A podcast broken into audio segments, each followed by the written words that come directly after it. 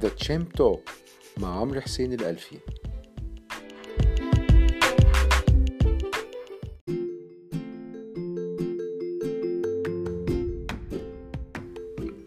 بسم الله الرحمن الرحيم. أهلا بيكم في حلقة جديدة من The Chimp Talk معاكم عمرو حسين الألفي من Market Chimp النهارده في الحلقة هنتكلم عن بعض المواضيع اللي إحنا اشرنا ليها في الحلقة السابقة آه، زي الأسهم العادية والأسهم الممتازة آه، زي زي ممكن نبتدي نبتدي شركة من الأول خالص لأن أنا عشان أبقى مستثمر وأستثمر في شركة وأشتري أسهمها محتاج أعرف على الأقل الشركة دي لما بتبتدي بيبقى بتبتدي إزاي.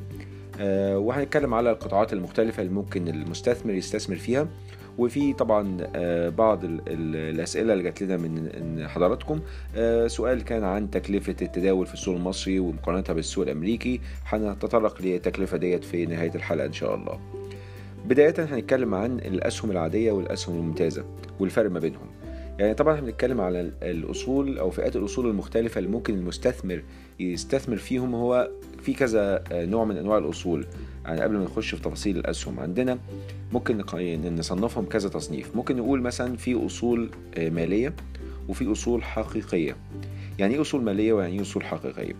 الاصول الحقيقية يمكن إحنا عارفينها. يعني شايفين أصل بعينينا قدامنا كده. يعني شايفين مثلا بيت. شايفين عربية آه، شايفين مصنع. دي كلها real assets أو أصول حقيقية. طيب إيه الأصول المالية؟ الأصول المالية هي تعتبر أصول ورقية اوراق مالية غير ملموسة. في بعض الحالات زمان كان ممكن تبقى ملموسة يبقى معاك صك كده في إيدك ممكن تبقى ماسك السهم في إيدك أو ماسك الصك بتاع السند أو السند اللي أنت مشاريه. آه، ورقة مالية تبقى ماسكها في إيدك. دلوقتي طبعا كل حاجة بقت digitalized كلها مت- مت- مترقمة بقت كلها إلكترونية. فبالتالي الأصول المالية ممكن زي إيه؟ زي أسهم زي سندات زي اوبشنز أو عقود خيارات عقود مستقبلية. مؤخرا طبعا في حاجات زي البيتكوين. كل الكلام دوت بقى نوع من أنواع فئات الأصول. ده نوع ممكن نقسم بيها فئات الأصول بطريقة مختلفة اللي هي أصول حقيقية وأصول مالية. طبعا الأسهل إنك تتعامل في الأصول المالية لأن الأصول المالية أنت آه، زي ما هتكلم في- بعد كده في الحلقات إن شاء الله إن أنت واتكلمنا عليها في الحلقات السابقة إن أنت عندك آه، وسيط في النص بيوصل آه، آه، المشتري بالبائع آه، لكن آه، بالنسبة للأصول الحقيقية بتيجي على سبيل المثال تيجي تبيع بيت آه، بتاخد وقت منك إن أنت تبيع بيت. الأصول الحقيقية بتبقى صعبة إنها تبقى تتباع بسهولة. لكن الأصول المالية في سعر على الشاشة بتعرض السعر اللي انت عايزه عدد ال- الاوراق الماليه اللي انت عايز تبيعها بيجي لك واحد الناحيه التانية بيبقى عايز يشتري بنفس السعر اللي انت عايز تبيع بيه ونفس العدد أو ممكن يكون كذا مستثمر مش مستثمر واحد بس وتقدر انت تبيع في السوق أو العكس لو انت عايز تشتري. فحاجة سعرها موجود في السوق. طب إيه انواع ال- ال- الأصول الأخرى؟ ممكن تقسم الأصول من ناحيتين برضو. أو لو خدنا يعني نوع الأصول اللي هي الأصول المالية ممكن نقسمها لنوعين. ممكن نقول آه، أصول آه، ليها علاقة بالحقوق الملكية بتاعت المساهمين وأصول تانية ليها علاقة بالديون. ودي لما نيجي نتكلم على الشركة هنعرف هي دي كلها وضعها فين. لأن إحنا بنتكلم الشركة اللي موجودة وفي أنواع مختلفة للشركة. إحنا دلوقتي هنتكلم على الشركات المساهمة. الشركات المساهمة يعني فيها أسهم فيها بالانس شيت أو ميزانية عمومية. آه، وفيها آه، آه، أصول مملوكة للشركة وفيها مصادر للتمويل. فأنت ممكن تبص على الأوراق المالية اللي أنت بتشتريها إذا كانت هي أسهم أو إذا كانت هي سندات أو ديون أنت بتعمل آه، طبعا آه، استثمارك بناء على رؤيتك لل- للشركة والاستثمارات اللي هي بتعملها والعائد اللي جاي منها. وبالتالي بتاخد قرار بناء على هذه المواد هذه المؤشرات. طبعا ممكن الأوراق المالية دي ممكن تبقى أوراق مالية ملكية خاصة يعني تعتبر غير مدرجة في السوق أو مش موجودة في السوق أو البورصة. وفي أوراق مالية أخرى بتبقى موجودة في البابليك أو مدرجة في السوق آه، وتقدر تتداولها على سبيل المثال أنت ممكن آه، سهم زي سهم السي اي بي ممكن تشتريه آه، بنك التجاري الدولي تشتريه في البورصة. لكن آه، بنك آخر بالرغم من نفس القطاع ممكن ما تلاقوش ليه أسهم مدرجة زي مثلا بنك عودة. بنك آه موجود في السوق المصري لكن أسهمه مش موجودة في السوق المصري اللي هو البنك المصري. ممكن يكون الشركة الأم بتاعته ليه أسهم في بلد تانية ولكن بيتكلم على ال operations أو ال business بتاع مصر لا ملوش سهم في البورصة. طبعا عندك حاجات تانية من أنواع فئات الاصول عندك مشتقات مشتقات مالية ممكن مشتقات حقيقية أو آه، ملموسة برضو. نفس القصة زي ما بنتكلم على الأصول الحقيقية والأصول المالية إن ال financial derivatives أو المشتقات المالية هي أوراق أو عقود مبنية على الأصول المالية اللي اتكلمنا عليها زي أسهم أو سندات أو ما شابه. ومن ناحية أخرى المشتقات الملموسة أو ال physical دي بتبقى طبعا عقود برضو آه، بس مبنية على أصول حقيقية. زي مثلا أنا بشتري من مستثمر آخر أو من فلاح مثلا القمح في المستقبل فبالتالي ده يعتبر وأنا هستلم منه فعلا القمح دوت فيعتبر مشتق يعتبر physical. آه، طيب لو إحنا نيجي نرجع بقى لموضوع الشركة لو الشركة دي نيجي نتكلم عن زي الشركة ممكن تبتدي. أنا اللي عايز أبتدي شركة دلوقتي بعمل إيه؟ اولا لازم أحدد أول حاجة ال jurisdiction بتاعتي إن المكان اللي أنا عايز أعمل فيه الشركة. عايز أعمله فين؟ عايز أعمله في بلدي آه، آه، مصر مثلا أو أعمله في السعودية أعمله في الإمارات أعمله في أمريكا. كل بلد وليها ال jurisdiction بتاعتها وليها طبعا مميزاتها وليها عيوبها. آه، من ضمن الحاجات اللي طبعا أهم نقط أي مستثمر بيجي يعمل شركة بيبص عليها ودي يعني لما نيجي نتكلم على استقصاءات بتاع حصلت قبل كده للمستثمرين عامة اللي بيستثمروا في الدول المختلفة إيه هي اهم نقطة بتبص عليها؟ يقول على طول أول حاجة ببص عليها هي سلطة القانون. آه إن القانون فعلا يتم تنفيذه ويتم آه طبعا آه احترامه في أي دولة أنا بستثمر فيها. ليه؟ لأن أنا لو أنا هستثمر في أي دولة أنا باخد مخاطر. في مخاطر كتيرة باخدها. باخد مخاطر ال business اللي أنا داخل فيه وده مخاطر أنا already بحسبها وأنا بعمل الشركة بتاعتي. باخد مخاطر العملة بتاعه البلد اللي أنا بستثمر فيها. لأن أنا مثلا لو أنا آه، مستثمر مثلا آه، أمريكي وعايز أستثمر في السوق المصري أنا عندي دولارات هحولها جنيه مصري وبعد كده هستثمر بالجنيه المصري فباخد خطر العملة إن العملة الجنيه قصاد الدولار ممكن السعر يختلف ولما أجي ارجع فلوسي تاني بلدي أمريكا ألاقي الفلوس اختلفت يا إما زادت يا إما نقصت ففي مخاطر. فدي المخاطر اللي بحسبها باخدها في اعتباري. في مخاطر آه، آه، ممكن تبقى آه، تعديلات قانونية ممكن تبقى تعديلات تشريعية ممكن تبقى ليها علاقة بالبيئة ممكن تبقى ليها علاقة بالأسواق العالمية. ولكن أهم حاجة اللي هي مش عايز أحطها في اعتباراتي خالص هي هتحصل ولا مش هتحصل هي سلطة القانون.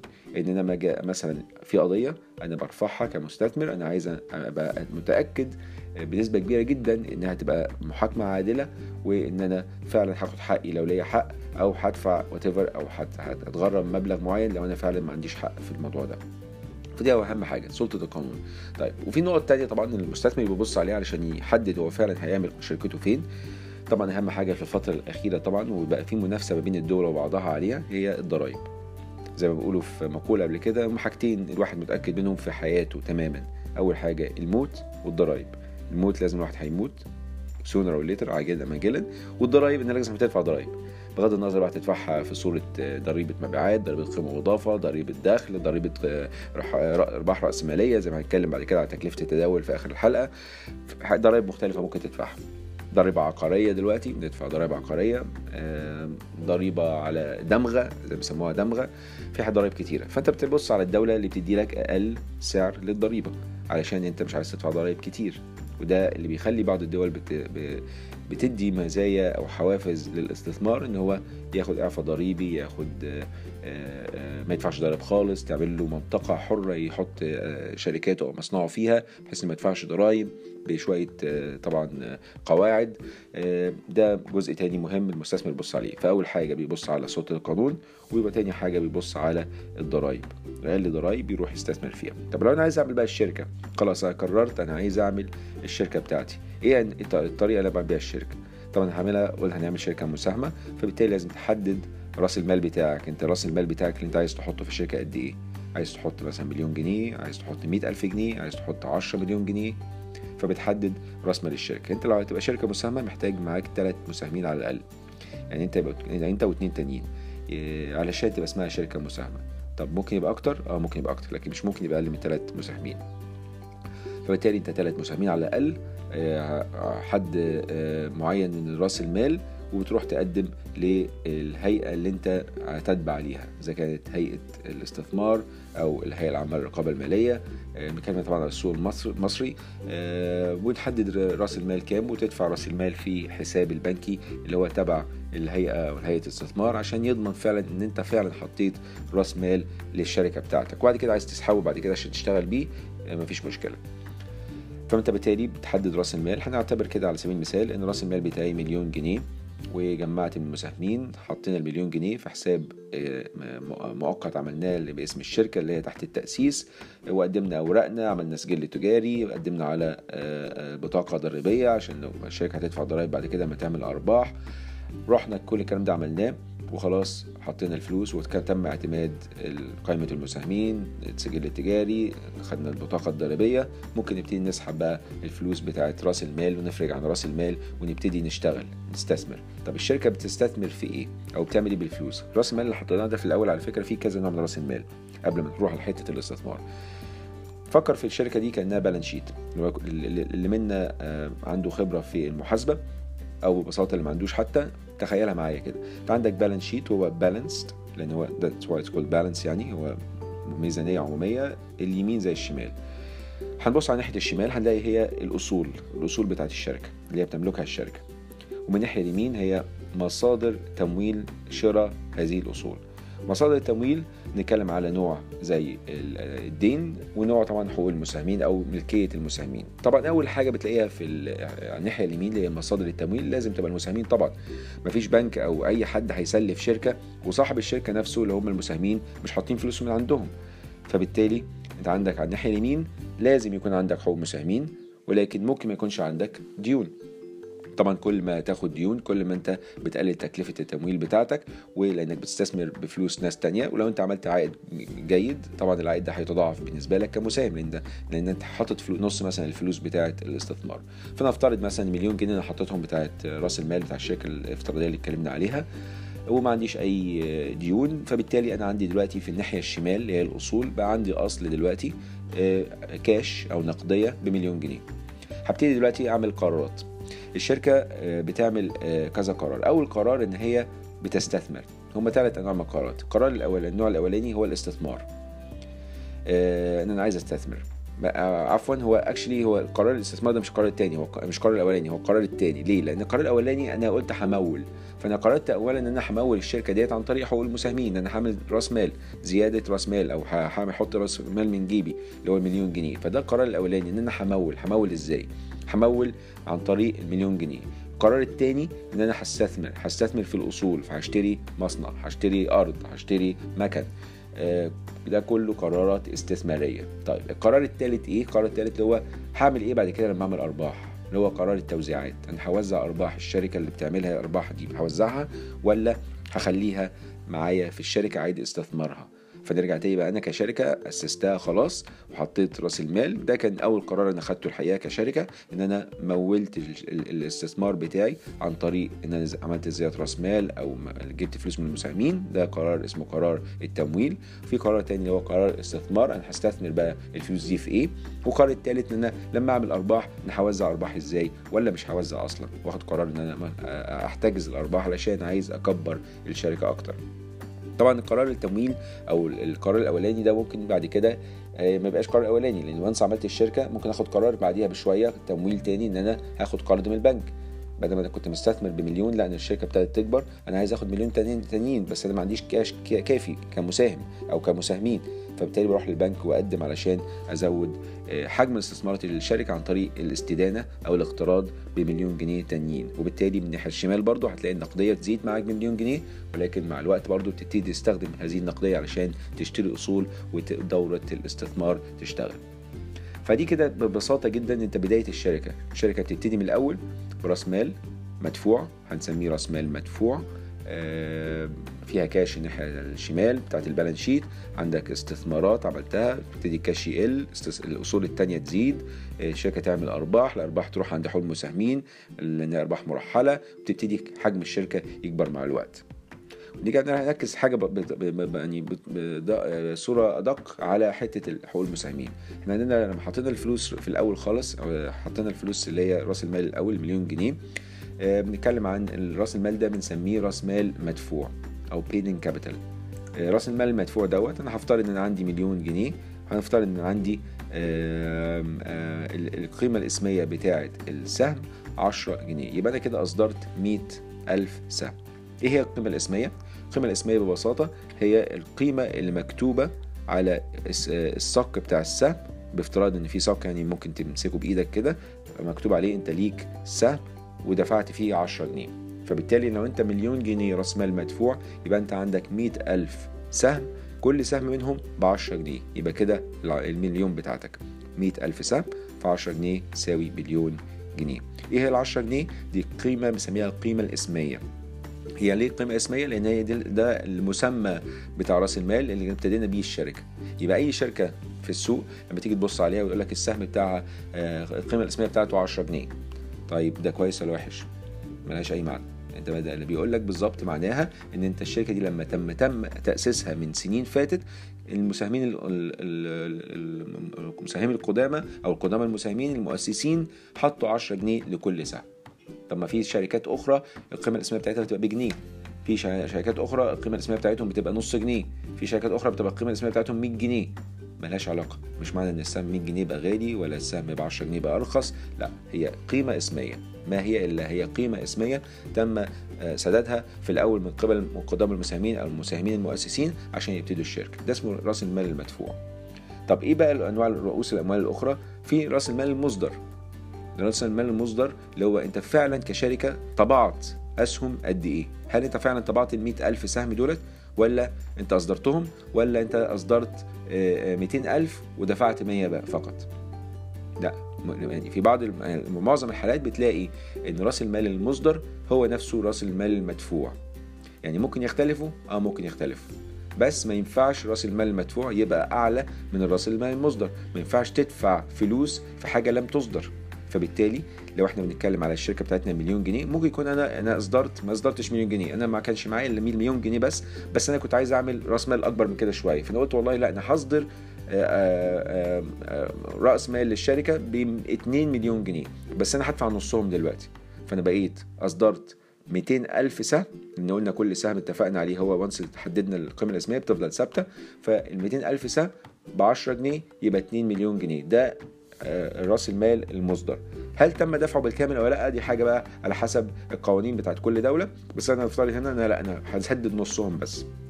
فبالتالي أنا راس المال المدفوع بتاعي 50% من راس المال المصدر فبالتالي أنا دفعت فقط مليون جنيه 100 ألف جنيه من ال 200 ألف عفوا 100 ألف سهم من 200 ألف سهم اللي تم إصدارهم وكل سهم منهم ب 10 جنيه يبقى مليون جنيه. بعد كام سنة أو في خلال مثلا السنة الأولانية أو بعد كده لما يتوفر عندي فلوس أنا ممكن أصدر عفوا أنا ممكن أسدد الأسهم الفاضلة اللي هي لم يتم سدادها بعد. يعني ال ألف التانيين أنا ممكن أسددهم بقى. فبالتالي يبقى رأس المال المصدر ورأس المال المدفوع يبقوا زي بعض. فبنيجي نتكلم على أي شركة؟ هتلاقي عندها رأس مال مدفوع وعندها رأس مال مصدر. المدفوع بيبقى أقل من المصدر أو زيه. المصدر هو عدد الأسهم اللي تم إصدارها علشان الشركة تشتغل وتبقى عندها رأس مال. هل يجوز إنه يتم دفعه بالكامل؟ آه ويجوز إنه يكون مدفوع جزئيا. طيب في نوع ثالث من أنواع رؤوس الاموال اللي هو رأس المال المرخص. رأس المال المرخص هو أنت بتقول والله أنا في حد أقصى أنا هصدر بيهم أسهم.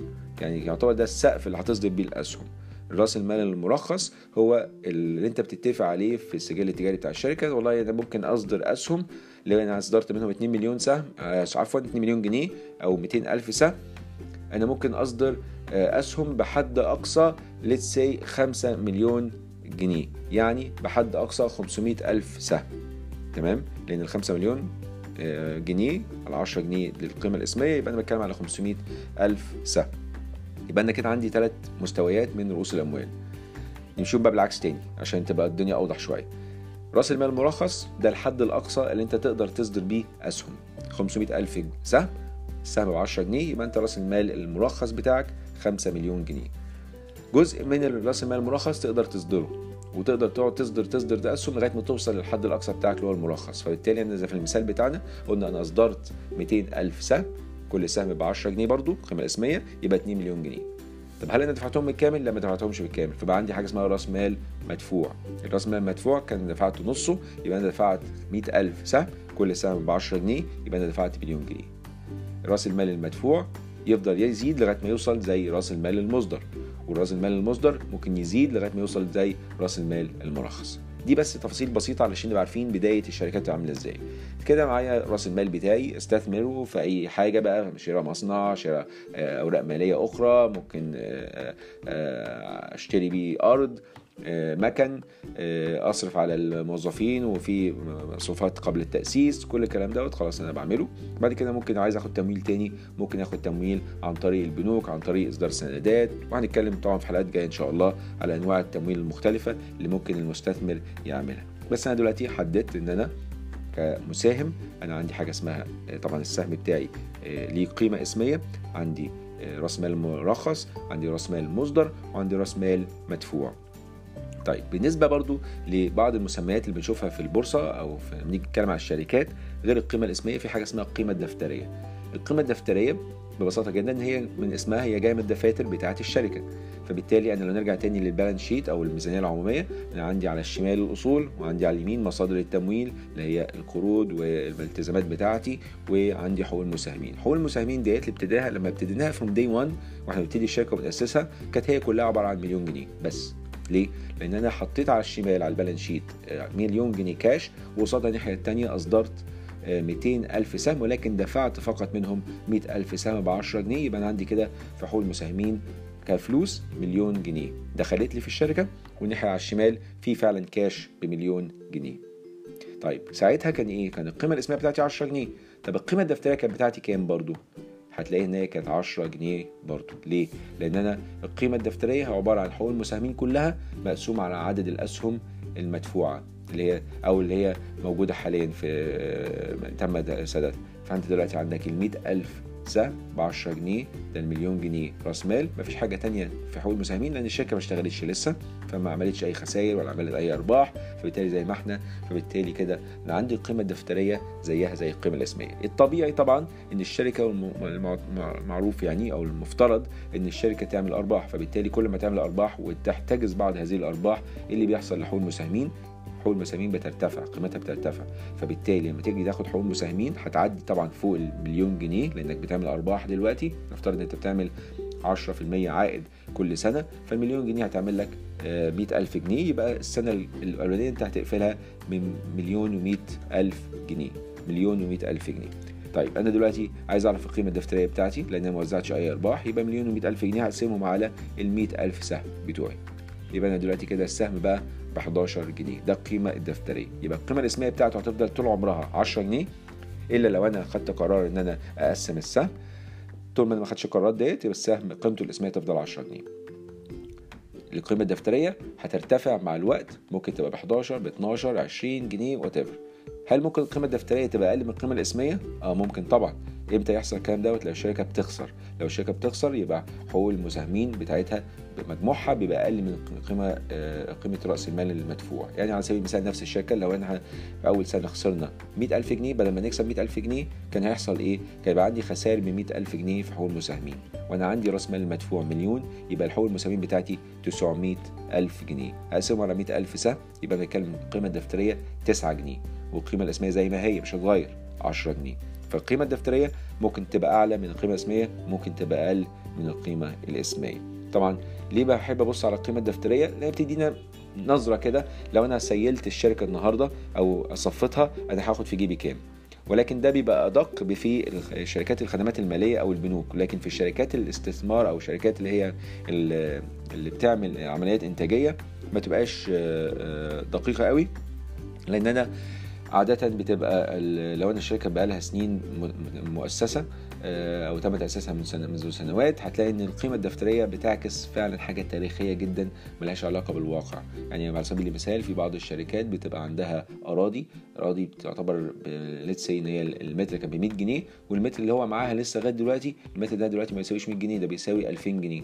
فبالتالي القيمة الدفترية ساعتها لا تعكس الواقع. فبالتالي لازم أعمل إعادة تقييم وأقيم أصول الشركة عشان نعرف بالظبط هي فعلا بتساوي كام النهاردة. طيب لو أنا حددت الشركة وأسستها طب إيه أنواع القطاعات المختلفة اللي أنا ممكن أستثمر فيها؟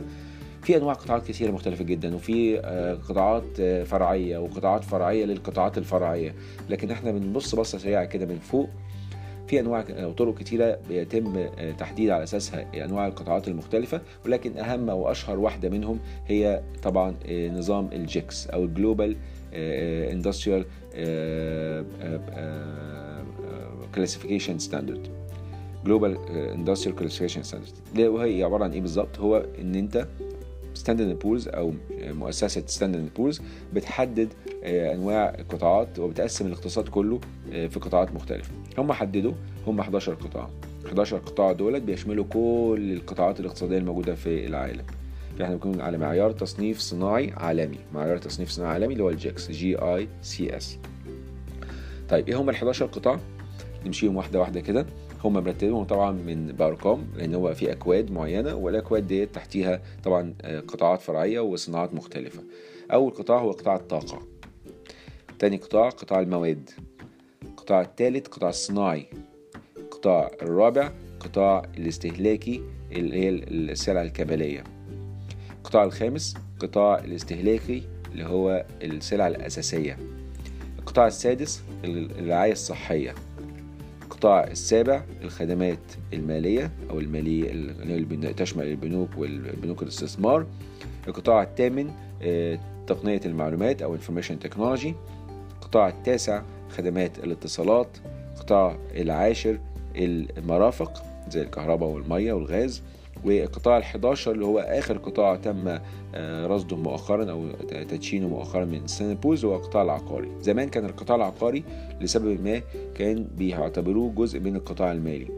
هو حقيقي في علاقة فعلا ما بين القطاع العقاري والقطاع المالي لأن القطاع العقاري هو المطور العقاري بيجي يجيب أرض ويبنيها ويبيعها للناس هو في الآخر بيعمل الكلام دوت مش عايز يفضل في المشروع 30 سنة. ولو ان في بعض الشركات فعلا بتفضل تعمل في المشروع 30 سنة. ولكن هو لو هو مطور عقاري هو عايز يعمل المارجن بتاعه عايز يكسب هامش الربح بتاعه. فبالتالي هو بيعمل بيبني ويبيع وفي نفس الوقت يقدر يمول. يشوف بقى تمويل للعملاء علشان يشتروا الأصول بتاعته اللي هو بناها ديت ويروح ياخد فلوس منهم ويروح يعمل مشروع تاني. فعشان كده يمكن في علاقة ما بين القطاع العقاري والقطاع المالي. وأنا افتكر طبعا الأزمة العالمية اللي حصلت في 2008 و2009 كان سبب سببها طبعا أساسا هو القطاع العقاري وعمل سبيل اوفر للقطاع المالي وأثر بالسلب على الأسواق العالمية طبعا. فكده يبقى إحنا بنتكلم على القطاعات المختلفة اللي انت ممكن نستثمر فيها هم 11 قطاع كل قطاع منهم في صناعة مختلفة في قطاع فرعي تقدر تحدد فعلا انت انهي نوع من القطاع. طب أنا يهمني إيه اعرف انواع القطاعات المختلفة؟ علشان أعرف العوامل اللي بتأثر في كل قطاع. عشان أعرف المنافسين اللي معايا في نفس القطاع. أعرف هما بيعملوا إيه الحصص السوقيه بتاعتهم عاملة إزاي. القطاع نفسه كأداء كان عامل إزاي الفترة اللي فاتت قبل ما أقرر استثمر في القطاع ده ولا لأ. ممكن يكون في مؤشرات للقطاعات ديت فبالتالي أعرف الأداء بتاع هذه القطاعات عامل إزاي. آخر حاجة في الحلقة بتاعتنا النهارده هنتكلم على استفسار كان جالنا من الاستاذ هشام جميل كان بيسألنا عن تكلفة الاستثمار. يعني لو نفتح مع بعض كده ونقول نشوف ال ال السؤال بالظبط هو كان بيقول لي أنا ما عنديش مشكلة خالص لما أجي أستثمر في البنوك. ان أنا شهاده أو بعمل وديعة في البنك certificate of deposit أنا عارف ال interest أو الفايدة اللي هتجيلي وعارف التكلفة بتاعتي وأقدر أحسب العائد بتاعي.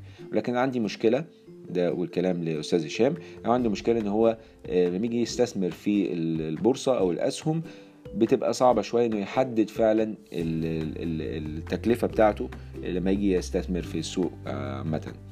وبيقول لي بقارن دوت إزاي لو يجي نقارنه بالسوق مثلا زي سوق امريكي سوق متقدم زي سوق امريكي الدنيا عاملة إزاي؟ طبعا بالنسبة للاستثمار في الاسهم هي طبعا المستثمر يمكن عشان ما بيشوفش كل التفاصيل فمبقاش عارف بالظبط هي التكلفة بتاعته الفعلية عاملة إزاي. تعال نبص لها تاني. أنا دلوقتي عندي سهم اسسنا الشركة والشركة بقت مدرجة في السوق والسوق بيتداول عليه الاسهم بتتداول في السوق ففيها سعر سهم بيرتفع سعر بينخفض. أسعار مختلفة بتتحدد بناء على العرض والطلب. أنا كمستثمر عايز أشتري بقى أنا مستثمر جديد خالص ما مش مؤسس للشركة اللي بنتكلم عليها ديت لأن عايز أشتري السهم بتاعها. فأفتح شاشة البورصة بتديني طبعا زي ما ال information provider زي ما اتكلمنا عليهم في الحلقات الأولى عندك حد بيدي لك الأسعار تقدر تعرف السهم دوت بكام. فبشوف السهم لسه إن هو لقيته ب 15 جنيه أه وأنا عايز أشتريه. طبعا أول تكلفة ليك إن أنت هتتكلف 15 جنيه عشان تشتري السهم ده. ولكن في تكلفة أخرى يمكن أنت ما تاخدش بالك منها. ممكن بتشوف نوع معين من التكلفة لكن ما بتشوفش التكلفة الأخرى. التكلفة الأولانية أنت بتشوفها اللي هو عمولة السمسار. أنت طبعا عشان تشتري سهم في البورصة أو تبيع سهم في البورصة محتاج يبقى عندك حساب في مع شركة سمسرة علشان ما ينفعش تشتري وتبيع مع نفسك كده. لازم يبقى عن طريق شركة مرخص ليها إن هي تعمل لك وساطة ما بينك وما بين السوق. لأن أنت مش شايف العميل الآخر اللي هو بيشتري منك السهم أو بيبيع لك السهم. فانت بس شايف شركه السمسرة بتاعتك اللي بتوصلك بالسوق عشان تعرف تبيع أو تشتري السهم فانت عشان تفتح حساب مع شركة السمسرة بتبقى في بعض الشركات بتدي لك حد أدنى لفتح حساب ممكن تقول لك 1000 جنيه ممكن تقول لك 2000 جنيه. في بعض الشركات تقول لك لا مفيش أي حد أدنى. أنت افتح حساب بس وامضي العقود وجاهزين. وقت ما تحدد إن أنت عايز تشتري أسهم ابعت الفلوس fund ال account wire transfer اعمل deposit عندك الفلوس في حسابك في السمسرة بيع واشتري زي ما انت عايز. أو اشتري طبعا الأول بعد كده تبيع. تاخد قرار أنا خلاص عايز أشتري. طيب لما أنا عندي. عايز لسه إن أنا عندي في الحساب بتاعي مئة ألف جنيه. أنا حطيت مئة ألف جنيه. تمام؟ وعايز أشتري السهم اللي هو ب 15 جنيه دوت. تمام؟ ولا خلينا علشان بس الأرقام تبقى making sense شوية أو تبقى سهلة في الحساب. أنا عندي 100000 جنيه ولقيت السهم ب 20 جنيه. يبقى أنا كده ممكن أشتري 5000 سهم. هل أقدر أشتري 5000 سهم بال 100000 جنيه دولت؟ لا. ليه لا؟ لأن أنا عشان أشتري 5000 سهم السهم الواحد في السوق ب 20 جنيه أنا مش هيكلفني الموضوع 100000 جنيه ده هيكلفني أكتر من 100000 جنيه. ليه؟ لأن أنا هدفع 100000 جنيه للعميل الآخر اللي أنا مش شايفه اللي هيبيع لي الأسهم ال 5000 سهم دولت وفي نفس الوقت هدفع لناس تاني فلوسها هدفع لشركة السمسرة العمولة بتاعتها. وفي بعض الاستص... التكاليف التكاليف الأخرى اللي هي بتبقى خارج شركة السمسره السمسره هي بتبقى تبع المستثمر بيتحملها ولكن تبقى خارج نطاق شركة السمسره شركة السمسره بتلمها ولكن ما تحطهاش في جيبها بتديها لاصحابها زي إيه؟ زي ممكن يبقى في حاجة اسمها الدمغة. في مصر مثلا في حاجة اسمها دمغة على حجم التداول. فلو أنت اشتريت أسهم ب ألف جنيه حاليا أنت بتدفع واحد ونص في الألف. يعني أنت بتدفع 150 جنيه. على المئة ألف جنيه دول تمام؟ مية وخمسين جنيه. دي قبل كده كانت واحد في الألف واحد وربع واحد ونص. كان في كلام مؤخرا إن هو هتبقى واحد خمسة وسبعين في الألف يعني واحد فاصل خمسة وسبعين من مية في الألف. ولكن الكلام الأخير إنه اللي هيخلوها يثبتوها والمناقشات إنه هيثبتوها على واحد ونص في الألف زي ما هي. فدي تكلفة فلازم أدفع مئة ألف كده وفوقيها مية وخمسين جنيه. ده غير العمولة. طب العمولة بتاعتي let's say العمولة في معظم الشركات السمسارة حاليا بتبقى نسبة وتناسب. والله يعني هتدفع تلاتة في الألف. يعني أنت في مئة ألف هتشتري بيهم قيمة أسهم يبقى أنت محتاج 300 جنيه. 300 جنيه زيادة عشان تدفع عمولة السمسار. يبقى أول حاجة عمولة السمسارة 3 في الألف. عندك عمولة أو الدمغة بتاعت الحكومة اللي هي وزارة المالية بتاخدها واحد ونص في الألف. عندك بعض التكاليف الأخرى في تكلفة للبورصة اللي أنت بتشتريها السوق بتاعك اللي أنت بتشتري عن طريقه أو فيه. وعندك تكلفة أخرى لمصر المقصة اللي هي بتعمل لك سيتلمنت واللي هو الكاستوديان الكاستوديان اللي إحنا اتكلمنا عليه برضو في الحلقات الأولى بياخد له رقم. طبعا بتبقى نسب بسيطة كلها كلها في الارقام في الآلافات أو في المئة ألف كمان. ف يعني بتبقى نسب بسيطة جدا. فالتكلفة كلها على بعضها لو أنت بتتكلم على 3 في الألف يعني ممكن توصل لك إن هي توصل تقريبا لخمسة في الألف. خمسة في الألف يعني إيه؟ يعني لو حسبناها بنسبة وتناسب يعني فاصل خمسة في المية. يعني نص في المية. دي فردة واحدة فردة الشراء بتاعتك نص في المية. طب لو أنا عايز أبيع قلنا هتكلفك تكلفة زيها بالظبط نص في المية فأنت كده تقريبا رايح جاي بتتكلف تقريبا واحد في المية. فدي تكلفة البيع والشراء في في ال stock market أو الأسهم. طبعا ده بتختلف من سوق للتاني. ولكن تيجي تقارنها مثلا بقطاع زي القطاع العقاري القطاع العقاري أنت عشان تبيع أو تشتري أنت ممكن في الفردة الواحدة تدفع فيها اتنين ونص في بعض الحالات ممكن يقول لك تلاتة في المية تمام؟ لكن إحنا في ال stock market لأن إحنا بنتكلم في القطاع العقاري طبعا إحنا بنتكلم على الاصول اللي هي العقارية اللي هي أصول الحقيقية اللي بتبقى صعبة في البيع والشراء فبتبقى العمولة بتاعتها أعلى. فكل ما السيولة بتاعت السوق تبقى صعبة أو تبقى قليلة وعشان تبيع تجيب مشتري أو تجيب بايع بتبقى صعبة فالسمسار أو الوسيط بياخد نسبة أعلى.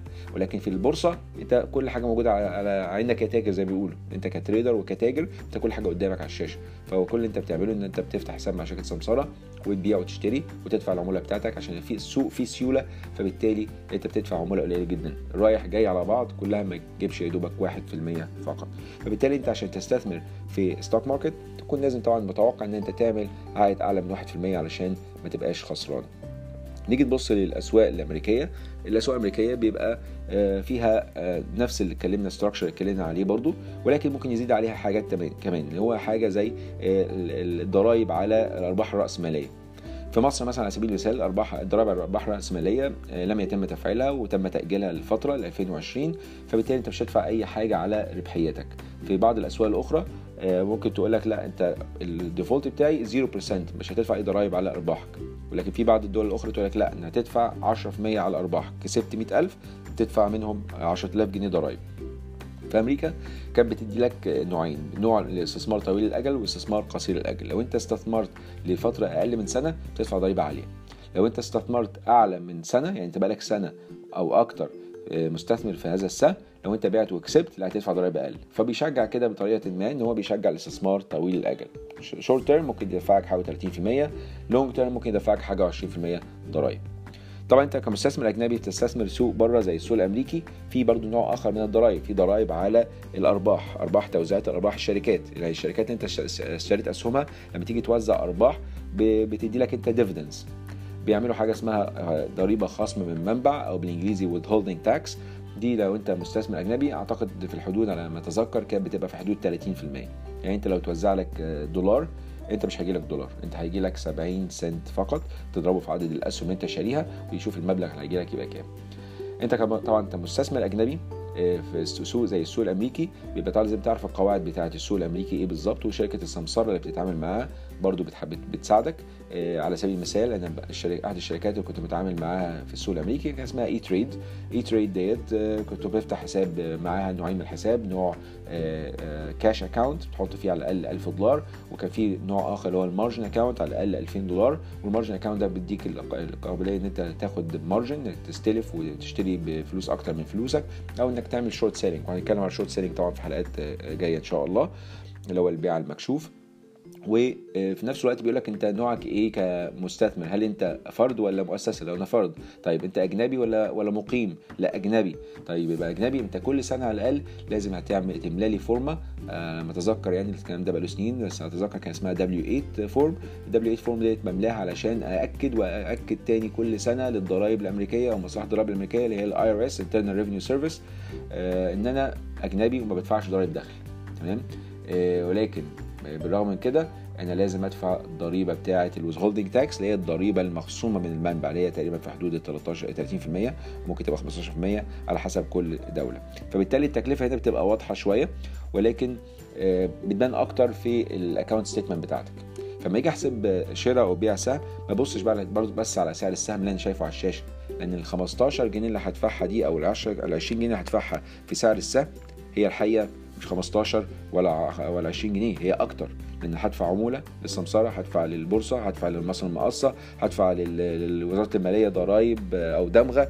ولما أجي أبيع ممكن أدفع آه، ضرائب كمان آه، عن على الربحية بتاعتي. ففي دي إجمالي التكلفة. فلما أي مستثمر يستثمر لازم يشوف التكلفة الكلية عاملة إزاي. طبعا أي فاتورة في شركة سمساره أنت بتبيع وتشتري أسهم عن طريقها بتدي لك التفصيلة دي كلها تقدر تحسب كل واحدة. وكل واحدة متطبقة طبعا على حسب التشريعات والقوانين بتاعتها فبالتالي بتبقى الدنيا واضحة. فلازم تحط الكلام ده في الموديل بتاعك. مش بس تبص على بيع سعر البيع والشراء لا لازم تبص على التكلفة. لأن في الناحية الثانية لما تيجي تبيع تبيع السهم. أنت ممكن تكون شاري السهم ب 20 جنيه وبعته ب 21 جنيه. هل انت كسبان ولا لا؟ فانت كسبان آه السهم كسبان 5% بس اكشلي انت مش هتبقى كسبان 5% انت هتبقى كسبان أقل. ليه؟ لأنك دفعت عمولات وتكلفة وانت بتشتري وهتدفع عمولات وتكلفة وانت بتبيع. فبالتالي الصافي بتاعك ممكن يكون في حدود ال 4% مش 5% فدي كلها لازم تكلفة تخلي بالك منها علشان تحسب العائد بتاعك بطريقة آه، آه، دقيقة. وبكده تكون خلصت حلقتنا النهارده. اتمنى إن أنتم تتواصلوا معانا على الإيميل بتاعنا talk at marketschamp.com talk t a l k at marketschamp.com وأي إيميلات جينا إن شاء الله هنحاول نرد عليها في الحلقات الجاية بإذن الله. حاجة تانية آه، نقطة نظام كده إن إحنا إن شاء الله آه، الأسبوع القادم بإذن الله هنحاول نثبت يوم إن شاء الله بحيث إن الحلقة بتاعتنا تبقى معروفة هتبقى بتيجي يوم إيه والساعة كام بالظبط. وإن شاء الله آه، بإذن الله هنلتزم بعد كده بالميعاد دوت. الميعاد إن شاء الله يكون في حدود يوم الجمعة من كل أسبوع تكون الحلقة بتاعتنا منشورة إن شاء الله على الموقع وموجودة على كل ال platforms بتاعتنا إذا كانت Apple Google Play أو إذا كانت آه، آه، عفوا Apple Podcast أو Google Podcast أو Stitcher أو أو آه، Spotify كل الكلام ده موجود إحنا ال platforms دي موجوده عليه أو طبعا تخش على الموقع بتاعنا marketchamp.com هتلاقي الحلقات بتاعتنا موجودة. شكرا لكم ولكم مني أراقة حياتي والسلام عليكم ورحمة الله وبركاته.